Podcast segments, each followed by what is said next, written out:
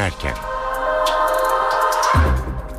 İyi akşamlar. Eve dönerken haberler başlıyor. Ben Safiye Kılıç. Türkiye ve dünyadan günün önemli gelişmeleriyle sizlerle birlikte olacağız. Öne çıkan haberlerin özetiyle başlıyoruz.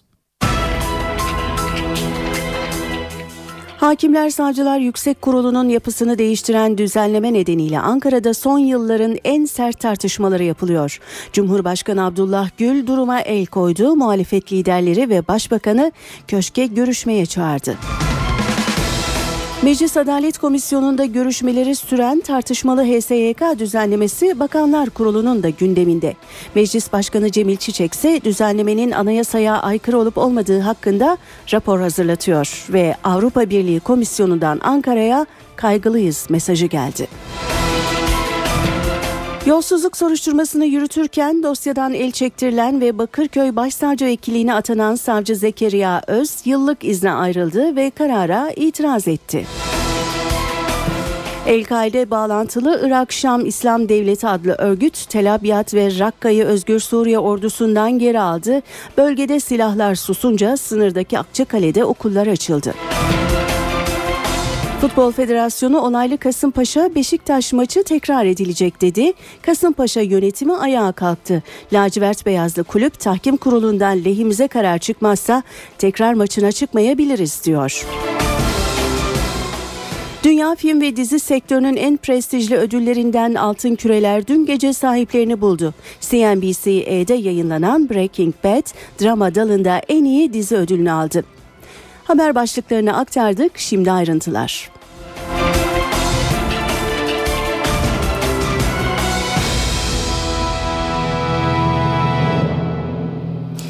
Ankara haftaya yoğun bir gündemle başladı yolsuzluk ve rüşvet operasyonu ve paralel devlet iddialarıyla sert tartışmalar ve suçlamalardan sonra Cumhurbaşkanı Abdullah Gül devreye girdi.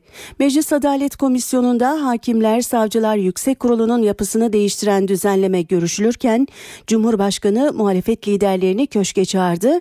Çankaya'da yoğun bir trafik var. Muhalefet liderlerinin ardından Başbakan Erdoğan köşke çıkacak. Ayrıntıları gün boyu Çankaya Köşkü'nün önünde önünde görüşmeleri izleyen, kulisleri takip eden NTV muhabiri Özden Erkuş'tan alacağız. Özden, Cumhurbaşkanı dinliyor. Peki liderler ne söylüyor? Şu anda köşkte kim var? Açıkçası trafik yoğun Çankaya Köşkü'nde muhalefet partilerinin liderleriyle başlayan gün iktidar partisinin lideriyle son bulacak. Cumhurbaşkanı Gül HSYK teklifi başlığıyla bugün son olarak Başbakan Erdoğan'la görüşecek. Görüşme sürpriz. Başbakanın programında yer almıyordu. Hatta saat 18 için yani bu dakikalar için MHK toplantısı Başbakanın resmi gündemindeki başlıktı. Ancak 19.30'da Çankaya Köşkü'nde olacağı duyuruldu. Öyle saatlerinde CHP lideri Kemal Kılıçdaroğlu ile yaptığı ilk görüşmesini Gül ardından da köşke MHP lideri Devlet Bahçeli geldi. Birkaç dakika önce ise BDP eş genel başkanı Selahattin Demirtaş Çankaya Köşkü'ne geldi ve görüşme de halen devam ediyor. Bu görüşmelerde her üç parti liderinin de Meclis Adalet Komisyonu'nda görüşülen HSYK yasa teklifine ilişkin eleştirilerini ve endişelerini dinledi Cumhurbaşkanı ve Demirtaş'ın ardından da bu kez Başbakan Erdoğan'ı ağırlayacak. Kuşkusuz bu görüşmede Cumhurbaşkanı AK Parti'nin meclis gündemine taşıdığı teklifin gerekçelerini dinleyecek hem de gün boyu Kılıçdaroğlu, Bahçeli ve Demirtaş'tan aldığı değerlendirmeleri, eleştirileri ve önerileri Başbakan Erdoğan'a aktaracak. Böylece geçtiğimiz Cuma günüyle birlikte Cumhurbaşkanı Gül yasama erkinin tüm aktörleriyle Meclis Başkanı, İktidar Partisi Genel Başkanı ve muhalefet liderleriyle görüşmüş olacak. HSYK teklifiyle baş gösteren düğümde meclis düzleminde çözülmeye çalışılacak Safiye. Özden Erkuş aktardı. Cumhurbaşkanı Gül ilk görüşmeyi CHP lideriyle yaptı. Kılıçdaroğlu sabah önce hukukçular ve gazetelerin Ankara temsilcileriyle bir araya gelip Hakimler ve Savcılar Yüksek Kurulu'nda tartışmalı değişikliği görüştü. Türkiye'de bir devlet krizi olduğunu söyleyen Kılıçdaroğlu daha sonra Çankaya Köşkü'nden ayrılırken de yargının bağımsızlığını savunan bir parti olarak endişelerimizi Cumhurbaşkanına ilettik dedi. Türkiye bir devlet krizi yaşıyor. Şu anda parlamentoda Hakimler ve Savcılar Yüksek Kurulu ile ilgili bir yasa teklifi görüşülüyor. Bu yasa teklifi bizim 90 yıllık demokrasi kazancımızı çöpe atan bir teklif. Demokrasinin gelişmesini, hukukun üstünlüğünün, hakim teminatının, yargının bağımsızlığını öteden beri savunan bir siyasal partinin e, genel başkanı olarak e, bu konudaki endişelerimizi Sayın Cumhurbaşkanı'na aktardık. E, olayın bir anayasa değişikliğiyle e, çözülmesi gerektiği yönünde bir e, görüş şu anda tartışılıyor. E, biz iki ön koşulumuz olduğunu söyledik bu konuda. E, bir, e, Türkiye Büyük Millet Meclisi'nde görüşülen Hakimler ve Savcılar Yüksek Kurulu e, yasa teklifinin geri çekilmesi gerekiyor. İkincisi, siyasal iktidarın e, yolsuzluk soruşturmalarına engel olmaması gerekiyor. Eğer bunların ikisi gerçekleşirse elbette ki bir anayasa değişikliği gündeme gelebilir. Anayasa değişikliğinde de aradığımız şu. Yargı teminatını güçlendirmek istiyoruz. Yargıya siyasal müdahaleleri engellemek istiyoruz. Yargının e, bağımsız ve tarafsız olmasını istiyoruz. Avrupa Birliği standartlarında Venedik Komisyonu'nun belirlediği ilkeler çerçevesinde e, bir e, hakimler ve savcılar yüksek kurulun olmasını istiyoruz.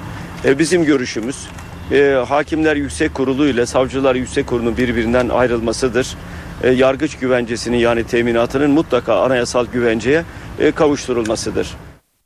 Çankaya Köşkü'nde görüşme trafiği sürerken Bakanlar Kurulu da yeni yılın ilk toplantısını yapıyor. Başbakan bu toplantıdan ayrılıp Çankaya Köşkü'ne çıkacak. Akşam da AK Parti Genel Merkezi'nde kurmaylarıyla toplantı yapacak. NTV muhabiri Murat Barış Korat notlarıyla telefon attığımızda Murat seni dinliyoruz. Bakanlar Kurulu'nda en sıcak başlık mecliste de komisyon mesaisi devam eden ve Hakimler ve Savcılar Yüksek Kurulu'nu tümden değiştiren yasa teklifi. Cumhurbaşkanının bu başlıkta muhalefet liderlerine yaptığı çağrıda Bakanlar Kurulu'nda kuşkusuz masada olacak. Sabah saatlerinde bir aylık aranın ardından Genelkurmay Başkanı Orgeneral Necdet Özel, Başbakan Recep Tayyip Erdoğan'la bir araya gelmişti. Başbakanlık kaynakları yeniden yargılamanın bu görüşmede gündemde olduğunu belirtiyorlar. Yeniden yargılama Bakanlar Kurulu'nda da gündemde olacak. Adalet Bakanlığı'nın bir çalışması vardı. Adalet Bakanı Bekir Bozdağ bu çalışmada gelinen son noktayı kurul üyeleriyle paylaşacak.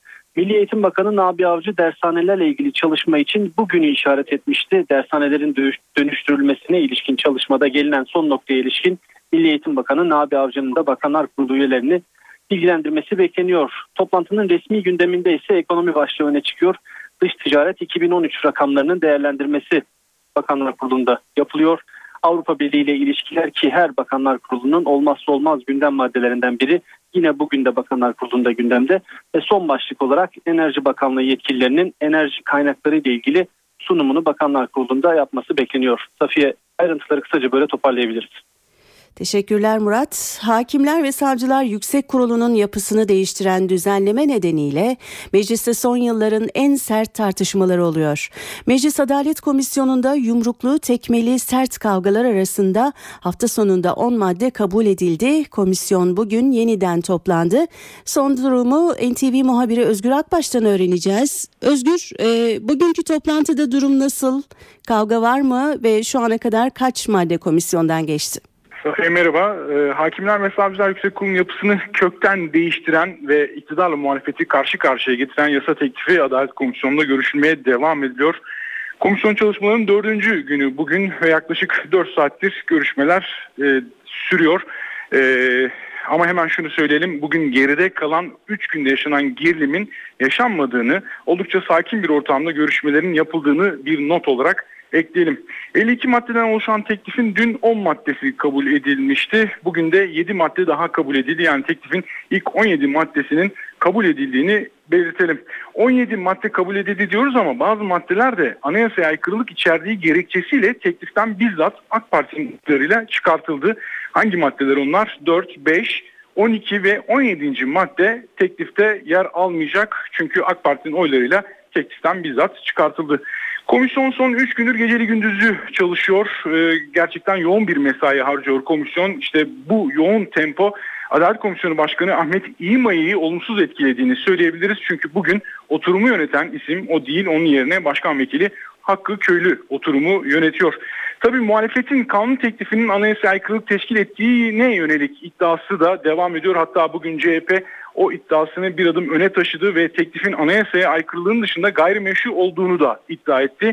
Tabi bu arada e, hem CHP'den hem MHP'den iki milletvekili Atilla Kart'la Mehmet Şandır önemli bir girişimde bulundular. Bunun da altını çizelim. İki isim bizzat Meclis Başkanı Cemil Çiçek'le ve e, Anayasa Komisyonu Başkanı Burhan Kuzu'yla görüştüler ve teklifin Anayasa Komisyonu'nda ilk olarak görüşülmesini istediler.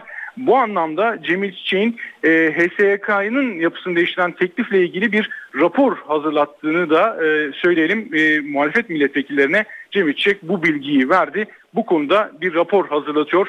Anayasa uygunluğunu e, hem kontrol ettirecek hem de bu e, teklif Anayasa Komisyonu'nda görüşülebilir mi? İşte bunu inceletiyor Cemil Çiçek. Evet, e, Adalet Komisyonu'nda görüşmeye devam ediyor ama e, biraz önce Adalet Komisyonu yemek arası verdi. Saat 19.30'a kadar ara verdiler. 19.30'dan sonra mesai kaldığı yerden devam edecek. Safiye. Özgür Akbaş teşekkürler. Ee, Özgür Akbaş da az önce e, duyurdu sayın dinleyenler. Bir kez daha altını çizelim. HSYK düzenlemesinin anayasaya uygunluğunu denetimi konusunda e, Meclis Başkanı Cemil Çiçek kurmaylarını görevlendirdi. Düzenlemenin anayasaya aykırı olup olmadığının belirlenmesi adına bir rapor hazırlanacak. Meclis Başkanı Çiçek rapor talebinin muhalefetten geldiğini söyledi. Meclis Başkanlığı'nın bize verdiği yetkiyi kullanırız dedi. Cemil Çiçek komisyonda yaşanan kavgayı da değerlendirdi. Bunu tasvip etmem mümkün değil ifadelerini kullandı. Adalet Komisyonu'nda çıkan kavgada AK Parti Milletvekili Zeyit Aslan Yargıçlar Sendikası Başkanı Emin Ağaoğlu'na tekme atmıştı. Ana muhalefet o tekmeye bugün çok sert tepki gösterdi. CHP Genel Başkan Yardımcısı Farukluoğlu, komisyon üyesi CHP milletvekilleri Ali Haydar Öner ve Müslim Sarı ile kamera karşısındaydı. Hakimler ve Savcılar Yüksek Kurulu'nun yapısını değiştiren düzenlemenin meclis komisyonundaki görüşmeleri sırasında yaşananlara CHP'nin tepkisi sürüyor. HSYK tartışmaları bunun yanı sıra yeniden yargılama e, e, tartışmaları nasıl sonuçlanırsa sonuçlansın AKP yolsuzluk ve rüşvet iddialarının üstünü örtemeyecektir. CHP'nin eleştirilerinin odağındaki isimse Yargıçlar Sendikası Başkanı Ömer Faruk Eminaoğlu'na tekme atan AK Partili Zeyt Aslan. Sayın Zeyt Aslan'ın ettiği küfürleri tekrarlamak edep dışı. Ama ne oldu? Hiçbir şey olmadı. Burası Türkiye Büyük Millet Meclisi mi? Sokak kabadayılarının düello yeri mi? Zeyt Aslan'la ilgili olarak biliyorsunuz geçmişi e, ve sicili çok parlak değil bu tür olaylarla ilgili. Bunları hiç hatırlatmama gerek yok. E, ama bir türlü cezalandırılamayan ve yanı e, yaptığı sürekli yanına kar kalan bir milletvekili pozisyonunda Cemil Çiçek Grup Başkan Vekilimiz aradı ve bir an önce kendisinin duruma el koyması gerektiğini söyledi ama e, Cemil Bey sadece komisyon başkanını aramakla yetindi. İkinci gün görüşmelerinde çıkan arbede sırasında başına tablet bilgisayar isabet eden CHP İstanbul Milletvekili Müslim Sarı olayla ilgili suç duyurusunda bulunacağını açıkladı. AKP'liler ellerine geçen her şeyi üzerimize fırlatmaya başladılar. Bu çerçevede Adalet Bakanlığı'nın bir bürokratının tableti, tablet bilgisayarı da fırlatıldı ve benim kafama isabet etti. Suç duyurusunda bulunduğumuzda artık o görüntüler inceleneceğinden söz konusu olan bilgisayarı da tableti de e, ilgili e, bürokrata e, tutanak karşılığında teslim etmiş bulunmaktayım. Yolsuzluk soruşturmasını yürütürken dosyadan el çektirilen ve Bakırköy Başsavcı Vekilliğine atanan Savcı Zekeriya Öz yıllık izne ayrıldı ve karara itiraz etti. Savcı Öz, Bursa'da bulunan annesine rahatsızlığı nedeniyle izne ayrıldığını açıkladı. Türkiye'nin dünyadaki diplomatik temsilcileri de bugün Ankara'da buluştu. Geleneksel Büyükelçiler Konferansı'nın gündeminde de yolsuzluk operasyonları vardı. Konferansın açış konuşmasını yapan Dışişleri Bakanı Davutoğlu bu konuda neler söyledi? Ayrıntıları NTV muhabiri Deniz Kilislioğlu'ndan alacağız. Deniz seni dinliyoruz. Evet 3Y ile mücadele ifadesini kullandı Davutoğlu. Bu yola çıktığımızda Sayın Başbakan Erdoğan e, yolsuzluklar, yasaklar ve yoksullukla mücadele için e, bir kampanya başlattı dedi. Yasaklarla mücadele konusunda yoğun bir şekilde demokrasi vurgusu yaptı Davutoğlu. Yasak bireylerin tercihlerinin önüne konulmamalı dedi. Özgürlük güvenlik dengesi kurulmadan demokrasi olmaz dedi. E, yolsuzlukla mücadeleler konusunda ise en yakınımızda hesap verilebilirlik devam edecek dedi. Burada da hesap verilebilirliğin altını çizdi. Siyasiler olduğu kadar bürokratik kesimler için herkes için eşitlik aynı derecede hesap verilebilirlik önemlidir dedi. E, bu arada tabii e, Erkekler arasındaki ayrımı da e, altını çizdi. Bu konuda da önemli vurguları vardı. Yürütme ve yargı ilişkileri son dönemdeki çok tartışmalı. Özellikle Hakimler Savcılar Yüksek Kurulu'nun yapısını değiştiren düzenleme ile ilgili olarak çokça sıkça gündeme gelmişti. 17 Aralık operasyonu sonrası yaşananların ardından da Davutoğlu e, yürütme ve yargı ilişkilerinin flu olmaması gerekir. Doğru tanımlanmayınca sıkıntı olur ifadelerini kullandı. Bu arada siyaset bürokrasi ilişkisine de vurgu yaptı. Dışişleri yönlendiriyor ama hükümet e, bu bunu uygulamıyor eleştirilerine de haksız eleştiriler diye konuştu. E, sandıkla test edilen siyasi iradeyle e, test edilemeyen bürokrasiyi karşı karşıya getirme çabası bir ülkeye zarar verir diye konuştu ve aslında sorunun temeli olarak da çözümü olarak da anayasayı gösterdi. Bugün bir anayasa sorunumuz olmasaydı bütün bunları yaşamazdık dedi ve bunların aşılabilmesi için e, yamalı bohça haline gelmeden e, bütünlüklü bir anayasa oluşturulmalı ifadelerini kullandı. Davutoğlu'nun Büyükelçiler Konferansı'nın açılışında verdiği mesajlar böyleydi. Büyükelçiler Konferansı az önce Meclis Başkanı Cemil Çiçek'in konuşmasıyla e, konuşmasının ardından şimdi Avrupa Birliği Bakanı Mevlüt Çavuşoğlu'nun büyükelçilere hitabıyla devam ediyor. Deniz kolay gelsin. Gündemde öne çıkan gelişmeleri aktarmayı sürdürüyoruz. Suriye'deki çatışmalar nedeniyle sınırdaki Akçakale'de okullar kapatılmıştı. Bugün eğitime yeniden başlandı. Tel Abyad'daki çatışmaların sona ermesiyle ilçede hayat normale döndü. Ancak ilçenin Suriye'ye açılan gümrük kapısı güvenlik nedeniyle halen kapalı. Esnaf da bu durumdan şikayetçi. Şanlıurfa Akçakale'de silah sesleri kesildi, hayat normale dönmeye başladı. Suriye'nin Tel Abyad ilçesinde Özgür Suriye ordusuyla Irak Şam İslam Devleti örgütü mensupları arasında bir haftadır devam eden çatışmalar sona erdi. Gergin bir hafta geçiren Suriye sınırına komşu Akçakale'de güvenlik gerekçesiyle ara verilen eğitim yeniden başladı. İlla bir mermi gelecek, bir patlama olacak diye. Yani çocuklarımız böyle tedirgin. O yüzden biz de güvenlik açısından götürüp getirmekte e, daha uygun buluyoruz yani. Sınırda bulunan ilkokulun 420 öğrencisi yarı yıl tatiline kadar başka bir ilkokula nakledildi. Sıfır noktada olduğundan dolayı okulda emniyet amaçlı böyle bir e, karar almışlar. Biz de mağduruz. Çocuklarımız da mağdur. Hem ev, ikamet ettiğimiz yer buraya biraz uzak ama ne yapalım eğitimlerini sürdürebilmeleri için şu anda bu okula getirmek zorunda kaldık. Akçakale gümrük kapısı ise güvenlik nedeniyle hala kapalı. Bu durumdan en çok etkilenense esnaf oldu. İnsanlarda bir tedirginlik, işte alışveriş yapama korkusu. Acaba buraya sıçrar mı? Ee, elimizdeki parayı tutalım gibi e, düşüncelere kapılmaya başladı çoğu insan. Son iki haftalar özellikle yani doğru düzgün burada iş yapamaz hale geldik biz. Yani kimse evden çıkamadığı için alışveriş de yapamadık. Mesela normalde biz Suriye'den giriş çıkış olduğu zaman muhakkak bizden malzeme alıyorlar. E şimdi duyduk biz kapıda kapanmış. Hani olumsuz etkiledi. Suriye krizi için yapılacak Cenevre 2 konferansı öncesi Amerika Birleşik Devletleri ve Rusya Dışişleri Bakanları Paris'te buluştu. John Kerry, Suriye'de esirlerin değişimi, belirli bir bölge için ateşkes ve insani yardımların ulaşması konusunu ayrıntılı bir şekilde masaya yatırdık dedi. Suriyeli muhaliflerin 22 Ocak'ta Cenevre 2 konferansına katılmasını beklediklerini ifade eden Kerry, Suriye'nin geleceğine Suriye halkının özgür iradesiyle karar verileceğini belirtti. Kerry, Suriye'deki insani dramın komşu ülkeler Türkiye, Ürdün ve Lübnan içinde ciddi sıkıntılar oluşturduğunu söyledi. Rusya Dışişleri Bakanı Lavrov da Suriye yönetimiyle yaptıkları görüşmeler sonucunda Şam rejiminin bazı bölgelere insani yardımların ulaşması konusunu gözden geçireceğini belirtti.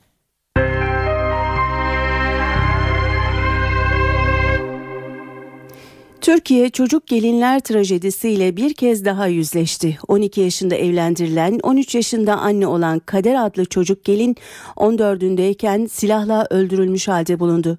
Türkiye'de büyük yankı uyandıran bu olay çocuk gelinler sorununu bir kez daha gündeme getirdi. NTV yayınında konuşan Dicle Üniversitesi öğretim üyesi Aytekin Sır, ülke genelinde 18 yaş altı evliliklerin %38'i bulduğuna dikkati çekti ve çocuk gelinlerin yaşadığı ruhsal sorun sorunları anlattı. Bizim yaptığımız çalışmada da yaklaşık olarak yüzde 38 civarında 18 yaş altı evlilik var ve bunların da hemen hemen yüzde 19 civarını 15 yaşa kadar olan evlilikler oluşturuyor. Ama burada daha çok e, zannederim ekonomik nedenler de işin içerisine giriyor. Bizim yaptığımız çalışmada 18 yaş öncesi evlenenlerle 18 yaş sonrası evlenenlerin ekonomik gelirlerine baktığımız zaman arada önemli bir fark olduğunu görüyoruz. Ve bunlar e, başlık parasıyla önemli bölümü başlık parasıyla e, veriliyor ve verildiği kişilerin çoğu da e, akraba. E, çocuk oynayacağı, bebekle oynayacağı bir dönemde e, bu kişi e, çocuk sahibi oluyor e, ve bunu kaldıramıyor e, çoğu zamanda ve buna bağlı bir takım sorunlar yaşanıyor. E, bunların e, kimi zaman intihar düşüncesi, kimi zaman öldürülmeleri söz konusu. Çünkü bu 12 yaşındaki kişi kendisini koruyabilecek durumda değil. Yani bir bakıyorsunuz ev içerisinde tacizler, kayınbirader tacizi, ondan sonra kayınpederinin tacizi ve çocuk bunların altında eziliyor ve ölümü tercih edebiliyor veya dağa çıkmayı tercih edebiliyor. Ee, hiç olmazsa ben onurumla yaşarım gibi böyle bir tümüyle farklı bir yöne yönelebiliyor. Ne yazık ki e, bu çocuklar. Din adamlarını bu konuda eğitecek olursak e, bile e, belirli bir adım atılmış olur. Dur diyebilirlerse hayır burada yanlış yapılıyor. Bu daha çocuk bedenen gelişimini tamamlamamış, zihnen gelişimini tamamlamamış. Ben böyle bir şey yapamam e, derse hani nasıl ki değil, resmi bir nikahta bu söylenebilirse burada da aynı şekilde belirli kriterler olmadan yapılan e, dini nikahı da e, biz bu anlamda e, ele alacak ve din adamlarını bu konuda gerekirse cezalandırma, gerekirse bu konuda eğitme bunların hepsini üst üste koyuyorum. E, bunların bu işe dur demesi bile önemli bir e, fark yaratabilir diye düşünüyorum ben. Hükümetin e, şu an başbakanın veya bir bakanın çıkıp bu konunun yanlışlığıyla ilişkili söyleyeceği cümlelerin de ben toplum üzerinde etkili olabileceğini düşünüyorum. Profesör Doktor Nilüfer Narlı da çocuk gelinler olmasın diye toplumsal bilinci artırmak için neler yapılabileceğini NTV'de anlattı e, kolluk kuvvetlerine başvuru, ihbarlar çok önemli. Bu konuda toplumu daha duyarlı hale getirmek gerekiyor ve kanunların yaptırımında bir zayıflık var. Ayrıca zaten biliyorsunuz o 18 yaşının altındaki evlilikler kesinlikle yasal değil ki aynı zamanda insan hakları ihlali sorunuyla karşı karşıyayız. O yüzden e, biz burada e, Türkiye'deki insan kaynaklarına büyük bir zarar verdiğimizi düşünelim. Hani eğitimcilerin de bu açıdan yaklaşmasında büyük bir yarar var. Din adamlarının eğitilmesi önemli, öğretmenlerin eğitilmesi. Fakat ben ayrıca siyasi parti liderlerinden, e, hükümetten bu konuda çok daha ciddi e, mesajlar e, bekliyorum. Yani belki siyasi parti liderleri bu konudaki duyarlılığı arttırabilirler. Liderlerin mesajları toplum için çok önemli. Diyanet İşleri Başkanlığı bu konuda bir e, görüş ortaya koyabilir. Belki de cuma hutbelerinde e, bu konu işlenebilir. Çok çok yararlı olacaktır. Yine e, hani bu konuda e, fetvalar çıkarılabilir. E, bunlar çok önemli. Bu tür tedbirler alındığı zaman ve bunlar sık sık insanlara hatırlatılırsa hani bu fetvalar televizyonlarda dillendirilirse Diyanet İşleri Başkanlığı'nın mesajı e, insanlara sık sık hatırlatılırsa ben hızlı bir düşüş olabileceğini düşünüyorum. İthal ilaçlar için ihaleye çıkılacak. Sağlık Bakanı Müezzinoğlu Türkiye'de en çok satılan ithal ilaçlar için Çalışma ve Sosyal Güvenlik Bakanlığı'nın ihaleye çıkacağını duyurdu. Hürriyet gazetesine konuşan Müezzinoğlu organ naklinin yaygınlaştırılması konusunda çalışma başlattıklarını da açıkladı. Buna göre din adamları topluma organ naklinin dinen sakıncası olmadığını anlatacak. Çok satılan ithal ilaçlar için ihaleye çıkılacak organ bağışının artması için din adamlarından yardım istenecek. Sağlık Bakanı Mehmet Müezzinoğlu Hürriyet gazetesine konuştu.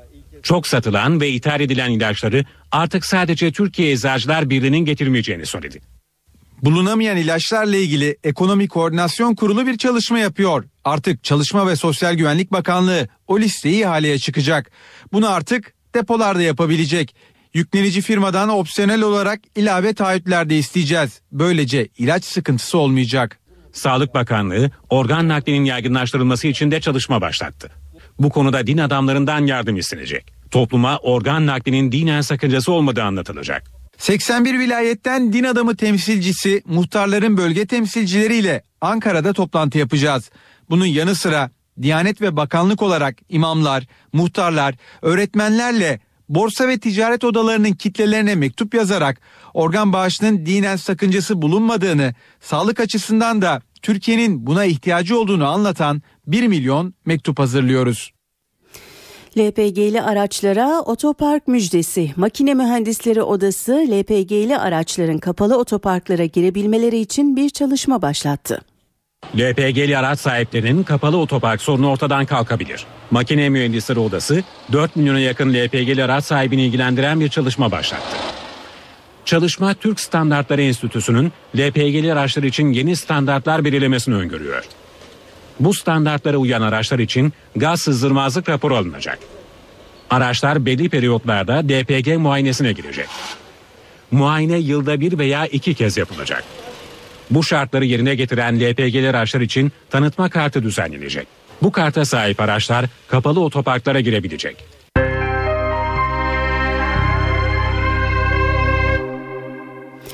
Dünya küresel ısınmaya karşı önlem ararken Türkiye'de yağış olmaması nedeniyle bir kez daha susuzluk acil problem olarak gündemde. Türkiye geçen yıl normalin altında yağış aldı. Barajlardaki doluluk oranı yarı yarıya azaldı. İstanbul'da barajların doluluk oranının %63'ten %34'e düştüğü bildiriliyor. Orman ve Su İşleri Bakanı Veysel Eroğlu bu konuda iyimser. Su sıkıntısı yaşanmaz ancak ekstra önlemler gündeme gelebilir diyor. Meteoroloji Meteoroloji Mühendisleri Odası Başkanı Sıtkı Erduran da Milliyet Gazetesi'ne konuştu. İklim değişikliğine dair farklı senaryolar var ama gidişat en kötü senaryonun gerçekleşeceğini gösteriyor açıklamasında bulundu. Greenpeace Türkiye ikliminde enlerin yaşandığını söylüyor. Greenpeace Akdeniz İklim ve Enerji Kampanyası sorumlusu Pınar Aksoğan evlerde kullanılan suyun arıtılıp tekrar kullanılmasını öneriyor. Tablo bu. NTV Radyo'da şimdi bu konuyu bir uzmanla konuşacağız. Telefon attığımızda İstanbul Teknik Üniversitesi'nden Profesör Miktat Kadıoğlu var. Sayın Kadıoğlu yayınımıza hoş geldiniz. Hoş bulduk sağ olun. Ee, Türkiye konuyu bir kez daha susuz yaz tehlikesi diye konuşuyor Sayın Kadıoğlu. Yağmur yağmadı, susuzluk kapıda. Evet. Ee, durum tam olarak ne sizden dinleyebilir miyiz? Şimdi durum şöyle bu geçen de Amerika'yı etkileyen kuzeyde inen soğuk hava bu aylarda Türkiye üzerinde inmesi gerekiyor. Evet. Tabii ki o kadar şiddetli olması gerekmiyor ama yani o soğuk ve nemli havanın kışın Türkiye'de yağış yapmasını bekleriz biz. Çünkü Türkiye Akdeniz iklimine sahip. Akdeniz iklimi işte yazları sıcak ve kurak, kışları ılık ve yağışlı. Yani bu yağışlı olmasının nedeni kışın bu sistemlerin güne, e, e, bir oluk şeklinde kuzeyden güneye inmesiydi. Şimdi biz tam tersine bu oluk e, bizim Türkiye üzerine beklenemedi bu yıl. Hı hı. Bunun tam tersi güneyden bir sırt şeklinde sıcak havayı alıyoruz biz. Biz sıcak güneyin sıcak havasıyla kışı geçiriyoruz. Genellikle biz bu güneyden gelen sıcak havaya daha çok yazın alışıyoruz. Yani yazın tamamen güneyin sıcak havası etkisinde bir e, iklimimiz vardır. Bu sene bu yer değiştirmiş gibi. Şimdi önümüzde 18-20 Ocak'ta e, Avrupa'ya tekrar kuzeyden bir soğuk hava olduğu iniyor. Ama yine biz doğusunda kal- kalarak bu oluğun sırt içinde kal- kalıyoruz. Yani Avrupa hatta isim bile vermiş bu beklenen fırtınaya. E, bu fırtına bize yine gelmiyor. E, bu yine sıcak bir hava etkisinde olacağımız için mesela benim baktığım tahminlerde bu ayın sonuna kadar İstanbul'da kar gözükmüyor. Evet. Yani belki üçüncü haftasında yağmur var ama bu yağmur kar değil. Hı hı. Peki e, yani yakın zamanda görünmüyor yağmur ya da kar dediniz ama e, yağarsa e, çare olabilir mi susuzluğa? Ya da ne kadar yağması gerekir ki çare evet. olması gerekir? Bir kere şöyle bir şey var. Yağarsa kar yağması gerekiyor. Evet. Karla yağmur çok farklı bizim için. Çünkü kar yağdığı zaman dağlarda 1-2 metre kar birikmesi suyun depolanması anlamına geliyor. Hı hı. Aynı zamanda bu kar yağdığı zaman topraktaki bitki köklerini, e, bakterileri bazı faydalı organizmaları da don, dondan koruyor. Şu anda aşırı hava yüksek basınçta olduğu için gece ayaz oluyor. Ayazdan dolayı da aşırı bir soğukluk oluyor İç Anadolu'da. Yani soğuk havada rekorlar kırmaya başladık İç Anadolu kısmında. E, bu tabi soğuk hava yer soğuduğu zaman yukarıdaki havadaki nem e, yoğuşarak sise neden oluyor. Sis, buz, don ile idare ediyoruz. E, şimdi böyle bir durumda e, bizim e, yağışların yani önümüzdeki şimdi kaç ay kaldı kışa? Yaklaşık bir buçuk ayımız var. Ama bizim e, su yılı diye bir yıl var. Nasıl ki mali yıl var. Yılbaşından itibaren 1 Ocak'a devreye giriyor. Mali bütçeler vesaire programlar. Su yılı da 1 Ekim'de başlar. Dünyanın her tarafında 1 Ekim dünya su yılıdır. Su ve 1 Ekim su yılının başıdır. Şimdi biz Ekim, e, Ekim, Kasım, Aralık, Ocak yaklaşık 4 ay e, doğru düz yağış alamadık. Kıştan geriye kalan bir ay var. E, bu Akdeniz ikliminde kışları yağışlı olan bir ülkede bir aylık bir yağışla e, idare etmek zorunda kalacağız. Hı hı. Şimdi Doğu Anadolu, İç Anadolu'da ilkbahar yağışları etkilidir. İlkbahar karda kar da yağar Doğu Anadolu'da. Ama Marmara, Ege ve Akdeniz bu bölgeler tümüyle Akdeniz ikliminin hüküm sürdüğü yerlerdir. Ve bunda bu bölgelerin yağış alacağı, alması gerektiği zaman e, 4 ayını yok e, kaybetmiş bulunmaktayız. Yani 4 ayda eksiklik evet. var. Yani büyük bir bütçede açık var suda. E, bizde bir de şöyle bir durum var. Yani biz şu anda sanki hiçbir şey olmuyormuş gibi her şey normalmiş gibi su kullan, kullanımına devam ediyoruz. Mesela ben, ben şahsen iki aydır arabamı yıkatmıyorum. Su, yağmur yağmadı. Hı hı. Peki tam yani bu işte, noktada tam bu noktada bir soru daha soracağım Sayın Kadıoğlu. Az önce aktardık. E, Greenpeace e, evde kullanılan suyu tekrar tekrar arıtarak e, yeniden yeniden kullanın diyor. E, tek tek bireyler neler yapabilir? E, siz arabamı yıkatmıyorum dediniz. Başka ne gibi önlemler alabiliriz evlerimizde, iş yerlerimizde? Tabii bunun birey bireysel işte yerel yönetimler ve daha hükümet çapında yapacak işler var. Biz birey olarak kendi üzerine, üzerine düşeni yapmamız gerekiyor. Vicdanen sorumluluğumuz var bu konuda. Hı hı. Yani işte yazın içeceğimiz suyla şimdi araba yıkamamak. Mesela ben yine görüyorum mesela yeni ekilen çimlerde sulanıyor. Çim sulamamak yani böyle mecbur acil olmayan evet. su kullanımlarını tasarruf et kısmak gerekiyor. Tabii ki su ayrıca e, diğer evde kullanılan su da var ama en çok suyu tasar yıka yani yıkamayla en çok su tüketiliyor. E, bununla ilgili birçok e, sivil toplum kuruluşunun su tasarrufuna yönelik e, böyle önerileri vardır. Bunları alıp ben ne yapabilirim diye bakmak gerekiyor. Yani su tasarrufu nasıl yapılabilir? Tabii ki suyun e, başka şeyleri de var. Yani Türkiye'de özellikle bir de sanal su var. Bizim görmediğimiz ama yediğimiz içtiğimizde olan su. Mesela bir kilo buğday bir ton suyla üretiliyor. Hı hı. İki dilim ekmek bir buçuk ton su. Mesela iki dilim ekmeğin çöpe atılması bir iki evet. e, bir buçuk milyon ton suyu çöpe attığımız anlamına geliyor. Yani esas biz suyu görmediğimiz yerlerde harcıyoruz daha fazla. E, bu da sanal su. Bu konuda da fazla bilgi değil toplum olarak. Örneğin yem, öğleyin yemekte bir kase pirinç yenmediği zaman çöpe gittiği zaman bu üç buçuk ton suyu çöpe atmış an, olduk anlamına geliyor. Evet. Bunları pek bilmiyoruz. İçtiğimiz suda suyla yediğimiz e, yemeklerdeki su pek fazla şey değil. Yani içtiğimiz sudan tasarruf edemeyiz şüphesiz. Ama e, hayati önem taşımayan yani arabanın iki gün e, bir ay daha kirli olmasa da her gün çamur, sis ve şeyde araba yıkasanız bile iki günde tekrar çamur hali kirleniyor. Bu önemli bir şey değil. Evet. Çimi sulamanız da şart değil. Zaten hava sisli. Sisli hava zaten çimleri, çimi yüzeyleri suyla besliyor az da olsa. Peki. Yani yüzeysel bitki örtüsü sisten zaten çiğ ve sis kıradan belli bir noktada su alıyor. Yani kışın ortasında çim sulamanın bir anlamı evet, yok. Evet. Yani elimizden elimizden var. geldiğince idareli kullanalım diyorsunuz. Tabii yani su, çok evet, dikkat yani edelim diyorsunuz. Peki. Zaten bunu fark ediyor. Sayın zaten, e, enerji ve su tüketiminde tasarruf bu konuda iki konu var ki çok önemli. Bunu çok iyi öğrenmemiz lazım. Şimdi Amerikalılar Listen Your Mommy diye kampanya başlatmışlar. Yani eskiden bilirsiniz anneler kızardı. Bu su niye burada boş akıyor? Bu televizyon niye burada çalışıyor? Bu lamba niye burada yanıyor boş yere diye. Şimdi aynı o şeye Anne, döndü, döndü şimdi. Dinle. Yani annemizin Peki. bize kızdığı şeyler yapmasak bile hani ne yapacağımızı anlamadık. Çok karışık geldi. Annemize kızdığı şeyler yapmasak bile doğaya karşı bir büyük bir sorumluluğumuzu yerine getirmiş olabiliriz. Sayın Miktat Kadıoğlu çok teşekkür ederiz yayınımıza katıldığınız ve bilgilerinizi bizimle paylaştığınız için. İyi akşamlar efendim. İyi akşamlar.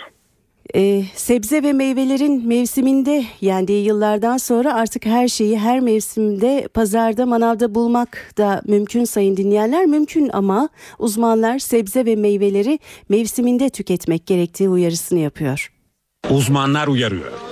Kışın domates yerine greyfurt, Salatalık, biber yerine C vitamini içeren yeşillikler tüketin.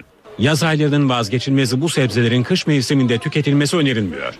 Ya sadece domates değil belki sebze olarak düşüneceğimiz yeşil biber, salatalık pek çok ürün e, tabii şu, şu anki koşullarda yetiştirilemez. Bunlar hepsi yaz dönem sebzesi, kışın yetiştirilen ürünler bunlar.